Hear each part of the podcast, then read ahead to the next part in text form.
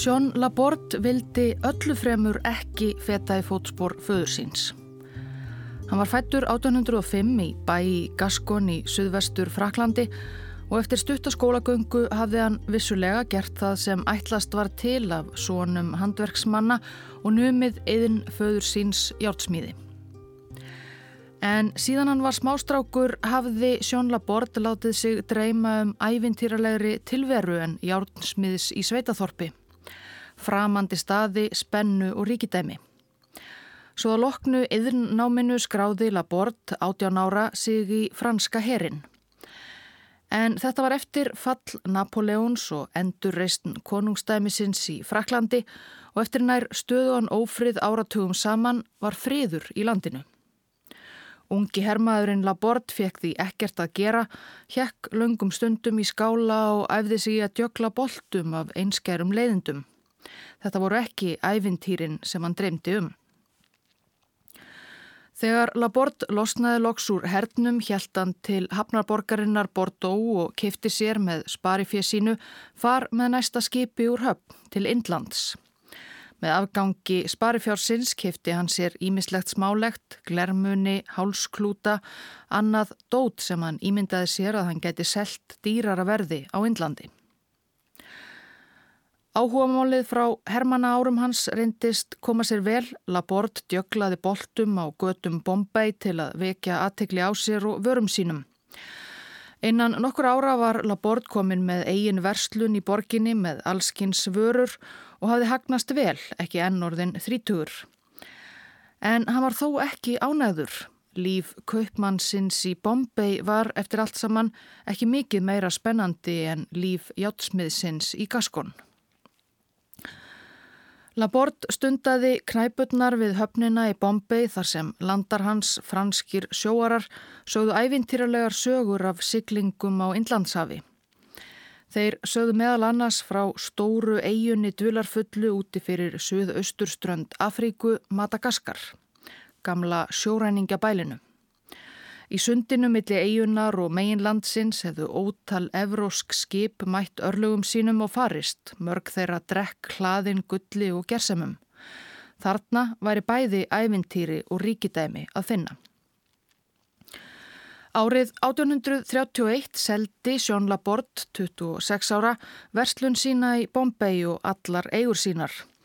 Hann tók skonnortu á leigu með áhöfn og sildi af stað og mánuðum saman sildi Skonnortala bort fram og aftur Mosambík sund milli Afríku og Madagaskar en áhöfnin fann engin skipsflög hlaðin gulli. Labord hjælt þó áfram að leita, jafnvel þegar veður fór að versna á sunnanverðu Inlandsafi.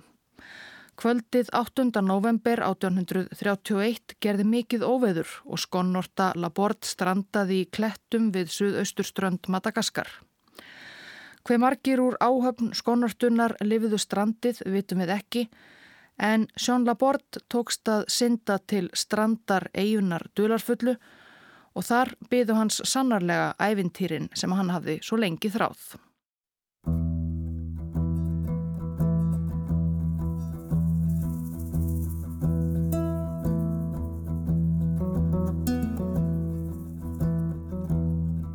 Ágætti hlustandi, þetta er annar þáttur um sögu eigunar miklu við austurströnd Afríku Madagaskar.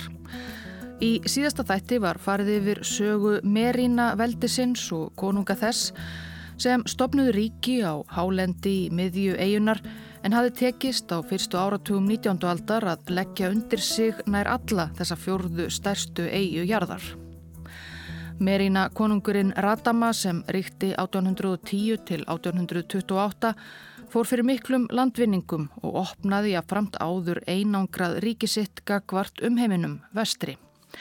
Evrósku stórveldin höfðu lengi sínt Madagaskar áhuga og Radama gerði vináttu samning við Bretland til landsins streymdu breskir kaupmenn og trúbóðar með biblíur í hönd.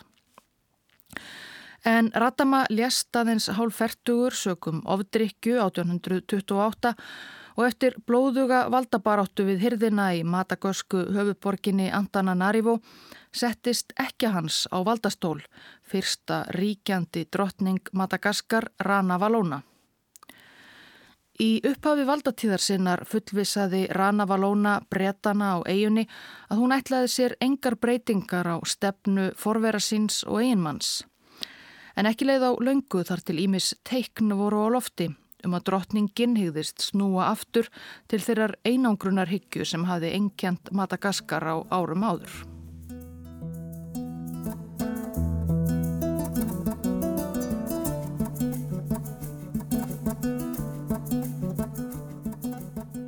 Útlendingar vildu sannlega ekki allir matagöskum vel. Keppinautarnir frakkar og brettar höfðu bitist um minni eigjar á Inlandsafi lengi og sömu leiðisaft augastað á þeirri allra stærstu Madagaskar. Þegar Ratama konungur bretavinurinn lést sáu frakkar sér leik á borði. Seks frönsk herskip sildu til Madagaskar um miðbygg árs 1829 skömmu eftir mikilfenglega kríningu Ranavalónu drotningar frá Reunion eigu með lið franskra og vestur afrískra hermana. Markmið þeirra var að neyða drotninguna til að láta landsvæði á Madagaskar í hendur frakka með vopnavaldi með þyrti. Frönsku skipin réðust fyrst á bæin Tamatave við austurströnd eigunar. Frakkar lögðu hann auðveldlega undir sig eftir að hafa látið skotum rigna yfir bæin frá hafi. En í næsta bæ til norðurs tókst varnarsveitum innfættra að ná yfirhöndinni, ekki löngu eftir að frakkar gengu í land. Franskur herfóringi var tekin höndum og hálsökvinn höfuð hans stjagsett við ströndina öðrum árásarmönnum til viðvörunar. Drottningin og hermenn hennar letu sig alls ekki og að nokkrum mánuðum liðnum gafst franska innrásaliðið upp og hörfaði alveg. Frönsku hermennir voru þá farnir að hrenja niður unnvörpum úr malari og öðrum hitabelti sjúkdómum nokkuð sem lengi var einn helsta vörn Madagaska gegn óvinnum að utan. Sagan segir að einn Madagaskur konungur hafi eitt sinn sagt að engin innrásarher geti sigrað bestu herfóringja hans tvo, skógin og hitan. Og það gáttu frakkar ekki í þetta sinn.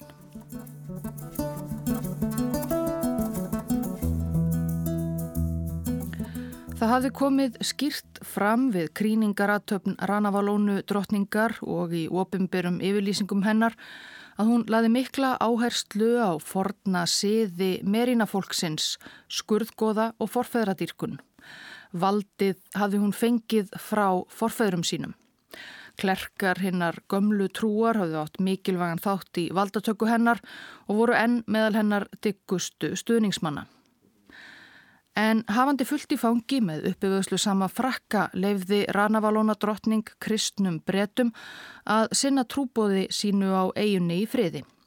Trúbóðarnir stóðu enda í stóræðum, þeir ráku fjölda skóla og hefðu kent fjölda landsmanna að lesa og skrifa. Talsverður fjöldi eigaskeggja hafi látið skýra sig til kristni og einnig hefur sprottið fram eins konar blendingstrúarbrög þar sem fólk blandaði saman gömlum síðum við nýjar kennisetningar kristninar. En þegar áleið og sífælt fleiri snýrust til nýju trúarinnar þar meðal mektarmenni í samfélaginu, hyrð og aðalsfólk fór Ranavalóna drottning að evast Trúskiptingarnir ógnuðu hinnum gömlu síðum, vannvirtu gömlu goðin og forfeðurna, tóku kvítan mann fram yfir hinna miklu fyrrum konunga eigunar. Í desember 1834 gekk Rannavalóna drottning á bak orða sinna, rifti síðustu samningum við Bretland og bannaði alla starfsemi ennsku trúbóðskólana þar sem þúsundir þegna hennar höfðu lært að lesa og skrifa undan farin ár. Trúbóðarnir heldu áfram starfi sínu en með sífelt meiri leint. Einhverjir trúbóðar höfðu reyndar þegar flutt frá Madagaskar, hafði ekki litist á blikuna Þar á meðal var hinn velski David Griffiths sem hafi verið romdrykju félagi drottningarinnar forðum daga áður en hún settist á valdastól. Síðla í februar 1835 byrtist einn af ráðgjöfum drottningar í fyllt Hermanna í kapellu trúbóðana í Antananarivo og las upp bref frá drottningum. Ensku og frönsku útlendingar. Ég þakk ykkur fyrir það góða sem þið hafi gert í ríki mínu, þar sem þið hafið dreift evróskri þekkingu og kunnáttu. En ég mun ekki breyta hefðum og siðum forfæðra okkar. Hver sá sem brítur lög konungsríkis míns verður líflátin, hver sem sá kann að vera. Þegnum mínum er bannað að yfka trú ykkar, hvort sem það er á sunnudegi eða öðrum degi.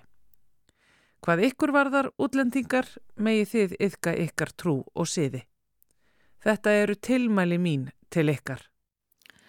Í marsbyrjun var svo látið bóð út ganga um konungsríkið að þegnar drotningar skildu sapnast saman á sléttu einni vestur af Antananarivó. Slikir fjöldafundir voru leið valdamanna Madagaskar til að miðla tilskipunum og yfirlýsingum. Allir áttu að mæta og hlusta. Þegar fundardagurinn rann upp tilkynnti sendibóði drotningar, hún sjálf let ekki sjá sig, mannfjöldanum að hennarháttign hefði ákveðið að banna hinn að nýju trú kvítamannsins. Hver sá sem hefði látið skýrast, setið guðstjónustur, hefði haldið kvildardaginn heilagan eða ætti biblíu í fórum sínum, hefði viku til þess að gefa sig fram og játa glæpi sína, ellegar sæta þungum refsingum ef upp kæmist. Það var ekki um að villast að í frasanum þungar refsingar gat falist dauðadómur.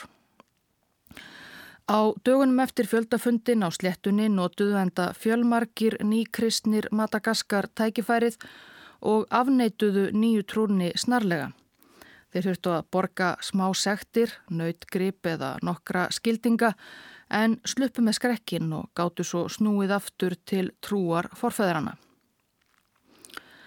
Flestir bresku trúbúðarnir yfirgáfu landið ekki laungu eftir þetta. Það var lítið orðið sem þeir máttu gera í landinu, korki reka skóla nýja bóða trú sína. En ekki voru allir kristnir eigaskeggjar jafn óðir og uppvægir að láta af trúsinni. Eftir á eigunni voru nokkrir hópar af kristnum matagöskum sem enn trúðu Þau heldu áfram að hittast og byggja saman í leini, syngja sálma lágum rómi úti í náttúrunni að næturlægi og í hellum. Drottningin hefur eflaust vonast til þess að án trúbóðana myndi nýja trúin á endanum hverfa og deyja út. En svo var það ekki. Kristnin held áfram að breyðast út um eiguna með leint.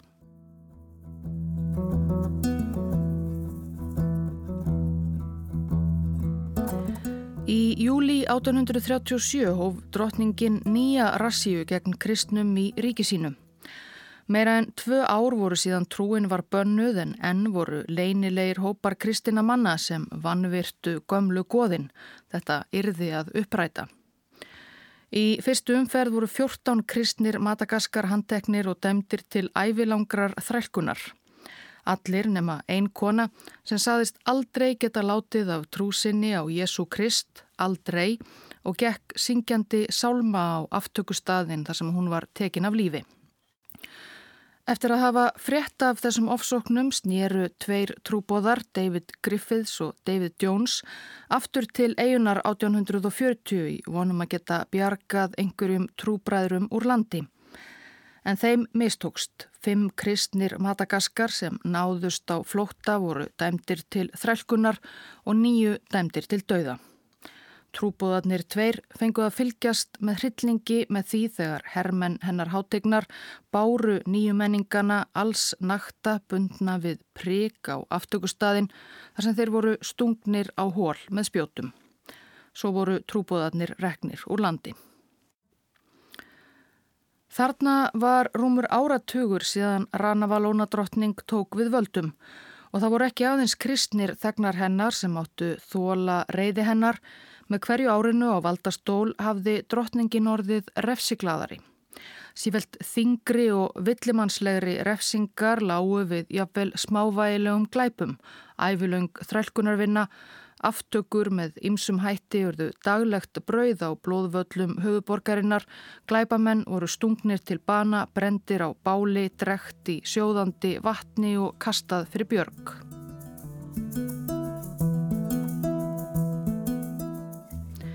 Þó frakkar væru óvinnir Madagaskar nr. 1 á fyrstu árum valdatíðar Ranavalónu drottningar voru þó örfáir frakkar búsettir á eiginni. Eitt þeirra var maður að nafni Napoleon de la Stelle. Hann var fyrirvenandi sjómaður sem hafði flutt til Madagaskar 1829 og stundaði nú ræktun á sigurreir og fleiri netjajurtum við austurströnd eigunar og umfangsmikla verslun með leifi drottningar og síðla árs 1831 rakst hann óvænt á landasinn. Hverfum aftur til unga franska skipbrótsmannsins sem við kynntumst í upphafi þáttar. Flestir þeir erlendu sjóarar sem brutu skip sín við strendur Madagaskar í áranarás lendu í kjölfarið ítla í því. Eigaskeggjar eldu þá uppi og þeir urðu yfirleitt ekki langlýfir í þeirra haldi. En þegar Sjón Laborde rak á land á austurströnd Madagaskar í november 1831 komst hann af. Líklega var hann tekin höndum af innfættum sem af einhverjum ástæðum ákváðu að þyrma lífi hans og fluttu hann á endanum í hendur annars frakka, Napoleon de la Stelle. Leiðir þeirra Laborde og Lastella á sem sé saman síðla árs 1831. Sá síðan nefndi setti Laborde í vinnu fyrir sig og áttaði sig fljótt á að skipprótsmaðurinn ungi var príðilegur játsmiður. Í yðninni sem Laborde hafði numið af föður sínum en vildi ekki gera að æfistarfi. Og hann áttaði sig á því að þarna hefði Madagaskar dottið í lukupottin.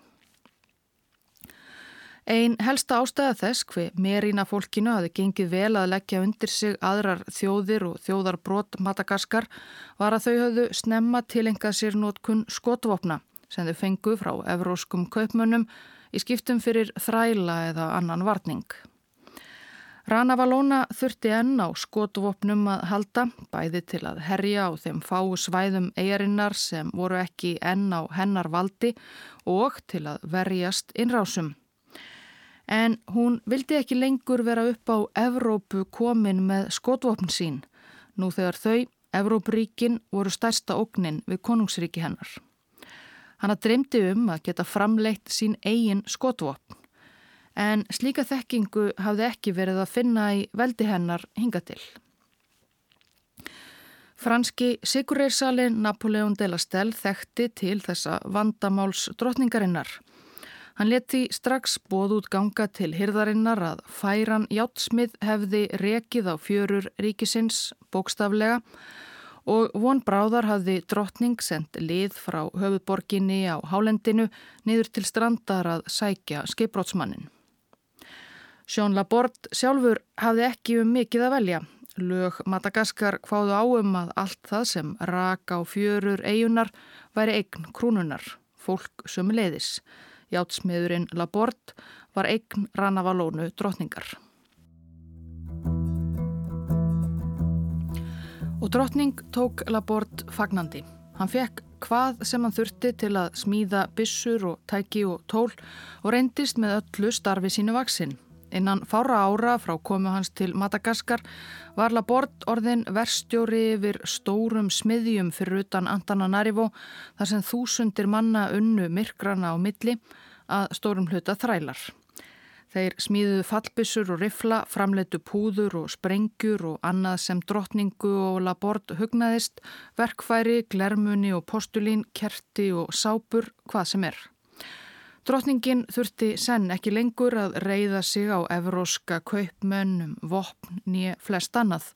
Landið var orðið sjálfbært, innbyltingin var komin til Madagaskar. 1834 byggði Laborde líka mikla timburhöll handa drotningu á hæstu hæð Antananarivo. Höll sem að líkindum var þá einn stærsta timburbygging heims og mikilfenglegt tákn um valdhennar. Orðið á götunni í Antananarivo var reyndar að drotningin hefði fljótt orðið svo hrifin af franska smiðnum knáa að þau hefðu orðið elskendur. Drotningin helt í hefðir Matagösku hirðarinnar og átti sér fjölda elskuga á valdatíðsinni. Margir af hennar nánustu ráðgjöfum og ráðherrum voru að líkindum einnig elskugar hennar til lengri eða skemri tíma. En Rannavalóna átti aðeins einn són. Sá var nefndur fullu nafni Rakoto Sehenon Dradama en íðulega kallaður bara Rakoto Prins. Samkvæmt ættbókum hyrðarinnar var hann sonur, drottningar og einmanns hennar sáluga, Radama konungs, en það getur ekki staðist þar sem Rakoto prins fættist að öllum líkindum haustið 1829, meira en ári eftir að Radama lést.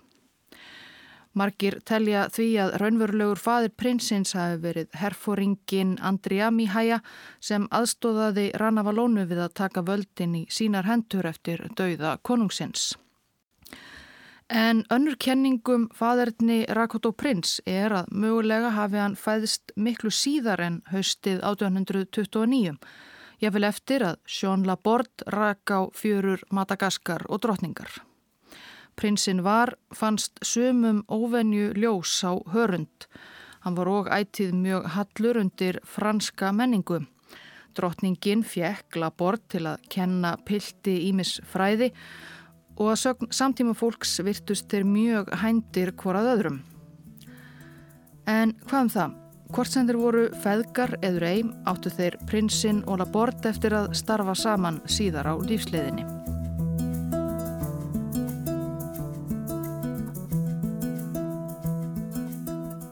Yðnbylting Labord skerði það verkum að Ranavalóna taldi sig ekki lengur þurfa neitt á umheiminum að halda. Sumarið 1845 hóf hún herrferð gegn evróskum kaupmönnum sem enn heldu til við austurströnd Madagaskar, gerði varning þeirra upptækan og hótaði þeim öllu íllu.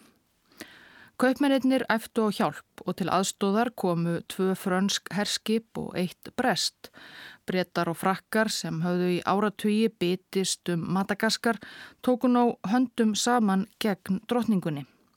15. júni 1845 reðist sameinað lið bretta og frakka á hafnarbæin Tamatavi en mætti þar harðri mótspyrnu heimamanna og var þeim fljótlega hrögt á flóta. 16 frakkar fjallu og fjórir brettar Allir voru gerðir höfðinu stittri og höfðin sett á stjaka við höfnina í Tamatavi öðrum til viðvörunar. Flestir erlendir kaupmenn flúðu eiguna í kjölfar þessa og Ranavalóna drottning skellti landi sínu í lás.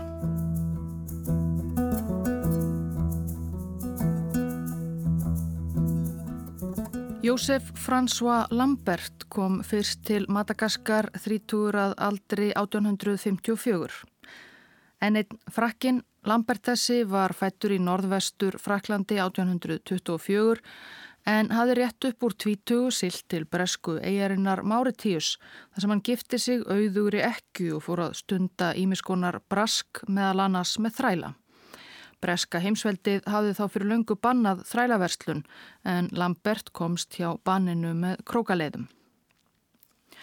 Eftir nokkur ára á Máritíus fór Lambert að líta strendur Madagaskar hýru auga. Þar hlýtu að leynast ófá gróðatækifærin fyrir rétta mannin. En landið hafði þá árum saman verið kyrfilega lokað öllum nema örfáum útlendingum sem voru í náðinni hjá Ranavalónu drotningu. 1854 frétti Lambert að því að þjóðflokkur óvinnveittur drotningu sæti um hersveit hennar í virkin okkru á söð-austurströnd Madagaskar og hermennir var við að svelta í hel. Þó drotningin stæðina er alla valdatíð sína í hernaði við Ímis þjóðarbrott á jöðrum ríkisins en laut ekki alveg öll eigan hennar stjórn, þá virtist herin henni aldrei sérlega mikilvægur. Hermenn fengu ítla borgað og voru oft sendir í herrferðir lélega útbúnir og með litlar vistir. Jósef François Lambert sá sér þarna leika á borði, hann sildi með hrísgrjón og vistir frá Máritíus til hermannanna umsetnu og hlaut fyrir hjartans þakkir drotningarinnar. Hann fekk svo leifi til að heimsækja hyrðina í Antananarivó, það fengu orðið afar fáir útlendingar, þar sem honum var tekið með kostum og kynjum. Sérstaklega eignaðist Lambert tvo góða vini við hyrðina. Landi hans, hjálpsmiður hennar hátegnar Sjón Laborde var skiljanlega ánægður að hitta annan frakka. Og krónprinsinn Rakoto, þarna eitthvað um 25 ára gamall, var líka ákaflega hrifin af Lambert og eh, ákveðinum hugmyndum hans. Það var nefnileg ekki aðeins gróðavon sem rak Jósef François Lambert í að koma sér í mjúkin hjá Matagösku hyrðinni. Lambert þekkti vel áhugan heima í Fraklandi á Madagaskar og þar sá hann líka tækifæri til að komast áfram í lífinu. Þegar hann sildi frá Madagaskar eftir mánadar langa tvöl hafði hann í fórum sínum bref stílað á Napoleon III frakkakeisara frá Rakoto Krónprins Madagaskar. Í brefinu bað prinsinn keisaran um að leggja Madagaskar undir Frakland og steipa móður sinni af stóli.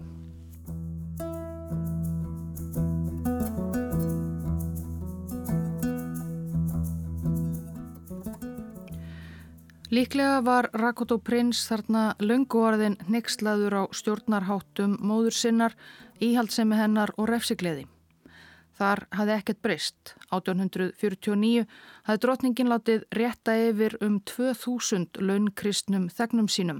Töyir voru dæmdir til þrælkunarvinnu og hýðinga, 14 var kastað fyrir björg og fjórir voru brendir lifandi.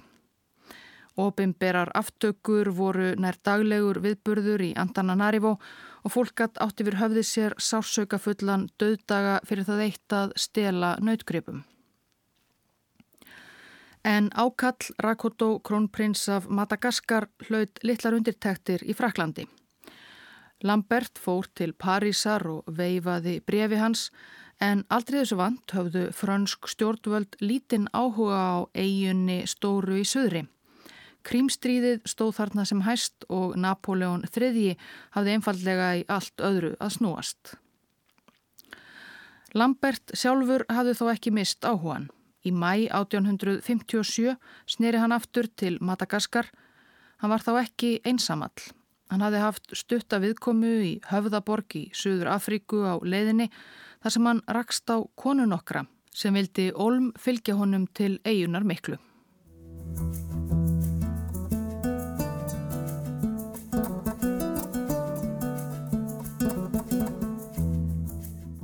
Nafn hinnar austurísku Ítu Fæfer ættu margir Íslendingar að þekkja.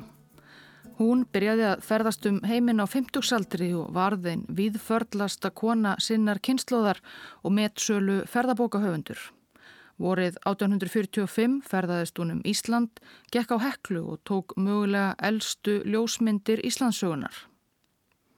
Síðan þá hafði hún farið tvísvar sinnum hringin í kringum jörðina og nú langaði hana 60 að aldri til Madagaskar. Ferðalag hennar þangað hafi byrjað í París þar sem allir réðu henni eindreið frá því að fara til eigarinnar. Ríki Ranavalónu drottningar væri hættulegur staður fyrir útlendinga. En hún let það ekki aftra sér og var því heiminlefandi í Höfðaborg að rekast á Jósef François Lambert einmitt á leiðinni til Madagaskar. Eftir viðdvöli í hafnarbænum Tamatave heldu Íta Fæfer og Lambert upp á hálendið til Antananarivo í fyllt fjölmenns liðs burðarmanna.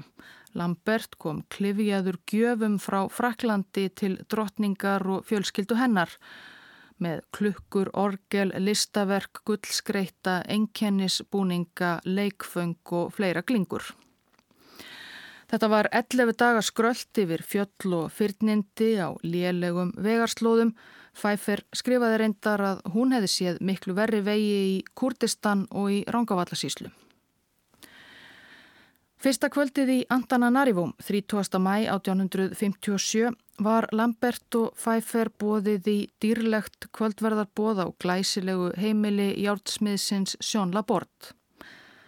Það var langt liðið á kvöldið, þau voru búin að borða af sérsmíðiðu Silfur Matarstelli Labort og voru að skála í kampavinni þegar bankað var upp á.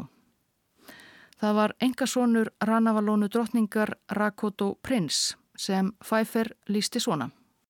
Rakoto prins er ungur maður 27 ára. Þvert á vendingar mínar er hann alls ekki fráhrindandi í útliti. Hann er grann og lávaksinn og andlit hans líkist ekki nokkur um þeim þjóðflokkum sem byggja Madagaskar. Hann er ekki ósvipaður Gríkja frá Moldavíu. Svart hárið er liðað en ekki rokkið. Hann er með dökk augu, uppfull af lífi og eldi. Af andliti hans stafar slík góðmennska að maður dregg staðunum frá fyrstu stundu. Sónurinn er eins góðhjartaður og móðurinn er grimlind, hann er eins mótfallin blóðsúthellingum og móðurinn er háðið. En hvers vegna knúði krónprins Madagaskar dýra hjá útlendingum í skjóli nætur? Íta Pfeiffer hafði upplifað ímislegt á ferðum sínum um heiminn en nú bráð þó nýra við. Fljótlega var henni gert ljóst að hún hafði dreyist inn í samsæri, há leinilegt valdaránsplott. Frakkarnir tveir, Laborde og Lambert, unnu að því með Rakot og prins að koma gömlu drottningunni frá völdum og setja prinsinn sjálfan á valdastól. Ég verða viðurkenna að það var undarleg tilfinning að vera skindilega orðin hluti af svo mikilvægri pólitískri hreyfingu og á fyrstu andartökunum fyltu hugaminn margar ólíkar hugsanir. Ég gat ekki lengt sjálfur mér því að ef áforminn kæmust upp væri líf mitt í hættu.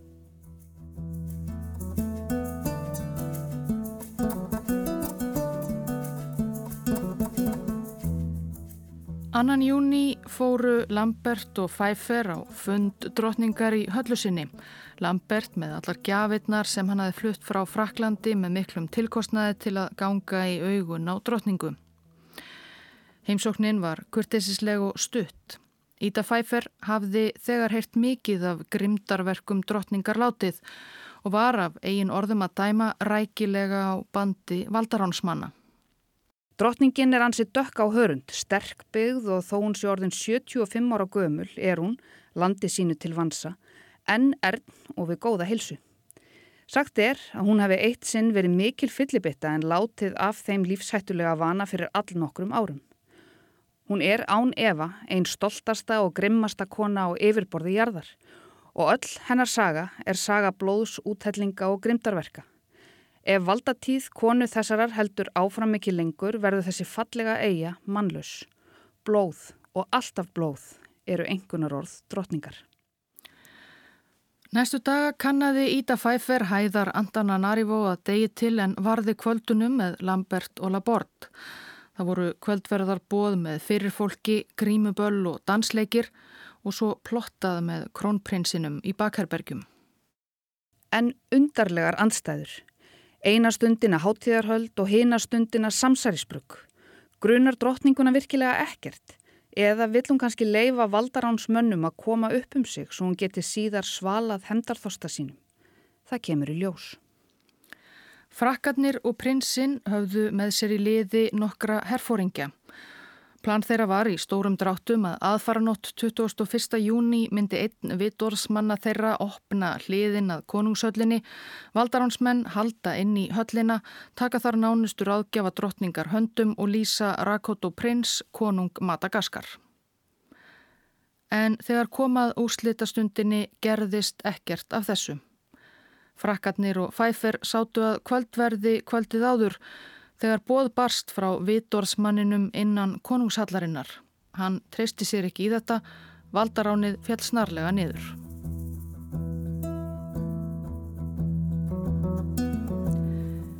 Mögulega vissi drotningin af launráðunum allan tíman.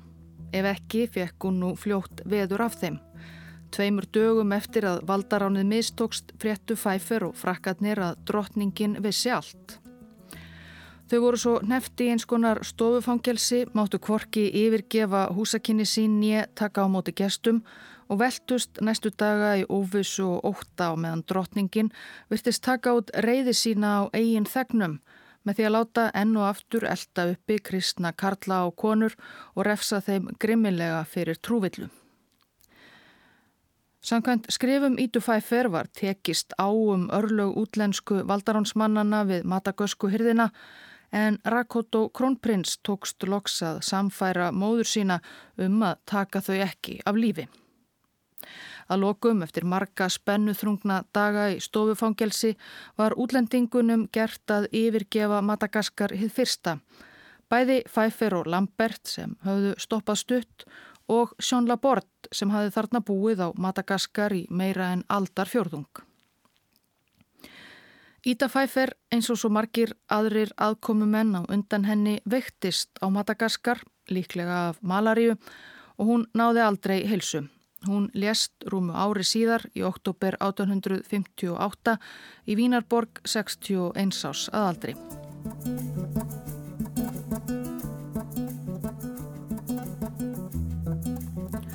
Síðustu æfi ár Ranavalónu drotningar voru tíðinda lítill. Ellir hrum drotningin hafði sífælt minni áhuga á stjórnunarstörfum Mestan áhuga hafði hún síðustu árin á hefðbundnu matagösku sporti, nautaati sem hún undir sér laungum stundum við að fylgjast með.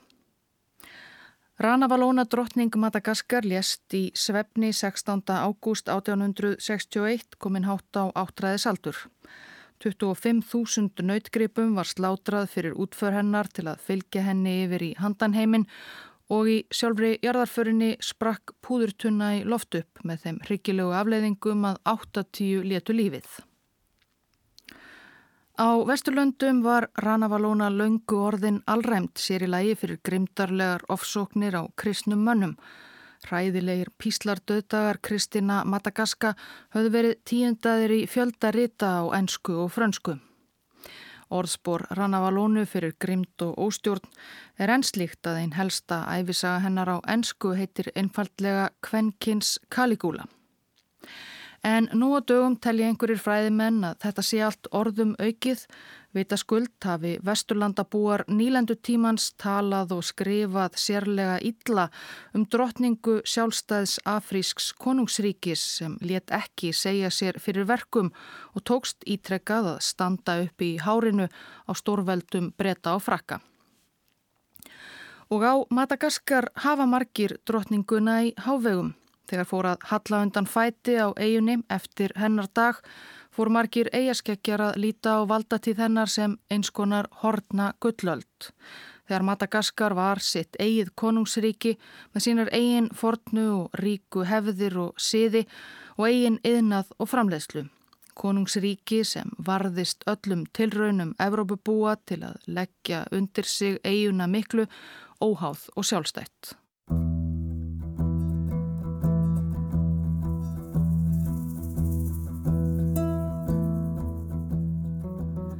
Ranavalóna drottning refsaði enga sinni sínum Rakoto prins aldrei sérstaklega fyrir að plotta gegn sér og aldrei kom annað til greina við hyrðina en að hann tæki við eftir andlát hennar. Prinsinn tók sér þá konungsnafnið Radama Annar og laðist strax í rótækar breytingar. Hann aflagði flesta grimmilega gamla siði og þungar refsingar móður sinnar. Hann leifði kristni sem og önnur trúarbröð og tók fagnandi erlendum verslunar og aðtapnamönnum. Jósef François Lambert, vinur hans og valdaránsmaður, snýri snarlega aftur til Madagaskar og fór í umfangsmikinn business með timpur og annan varning. En íhaldsmenni hirð og herr brúðust ókvæða við umbótum konungs og Radama annar var ráðin af dögum eftir tæp tvö ár á valdastóli. Konungsvaldið á Madagaskar var laskað og náði aldrei sömu hæðum. Tvær síðustu drottningar Madagaskar tóku sér nafn hinnar merku Ranavalónu en drottningunum Ranavalónu annari og þriðju tókst þó ekki að leika afreg þeirrar fyrstu eftir og verjast nýlendustefnunni. Árið 1896 náðu frakkar loks takmarki sínu brutu Madagaskar undir sig eftir margra ára erfiðan stríðsregstur. Sigursælir frakkar neittu ríkjandi drottningu Ranavalónu þriðju til að afsala sér krúnunni og sendu hana í útleð til Allsýr þar sem hún lést hálf 60 1917. Síðustu æfi árin bað Ranavalóna þriðja franska herra ítrekað um að fá að snúa heim til eigarinnar en fekk það aldrei. Madagaskar losnaði loks undan franskri stjórn 1960 þá sem liðveldi.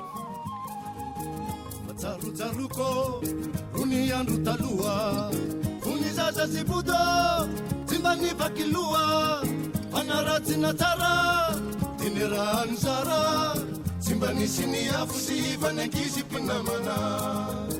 Fa tsarotsaroko no ny andro taloha fo ny zaza sy boto tsy mba loha fa naratsina tsara dia rahany zara tsy mba nisy ny afo sy fanankizy mpinamana. enenerafunanaramanulona nanamarotsinyonani zakatsimaitsutunana karasuniveraaitinunipetairetuwazatunianduwanikaifalufaliu enenerafunenenaramanulona nanamarotsinyonani zakatsimaitsitunana raisuniperaaitinu ni peta tuasatuni anruanikaifalfalio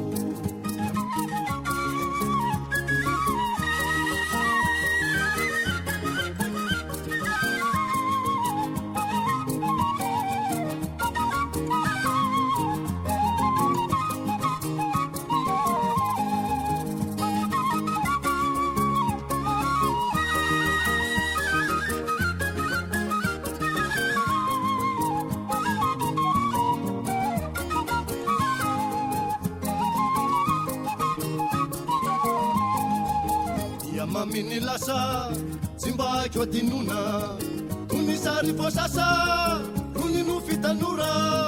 Ahitraitra sy ditra notofozy jiritra tsy asiako nenina le tsisy renina de ndray mitika miamaminy lasa tsy mba ako atinona tony sary fo sasa rony no fitanora. Ahitraitra sy ditra azo tsy ritra tsy asiakonenina le tsisy renona de ndray mipika. Edenyaravonaanaramanolonaaamaro tsy nianany zaka tsy maintsy tondrahana karaisoniveraaitinonipetsailatoazatony androanio ka ifalifario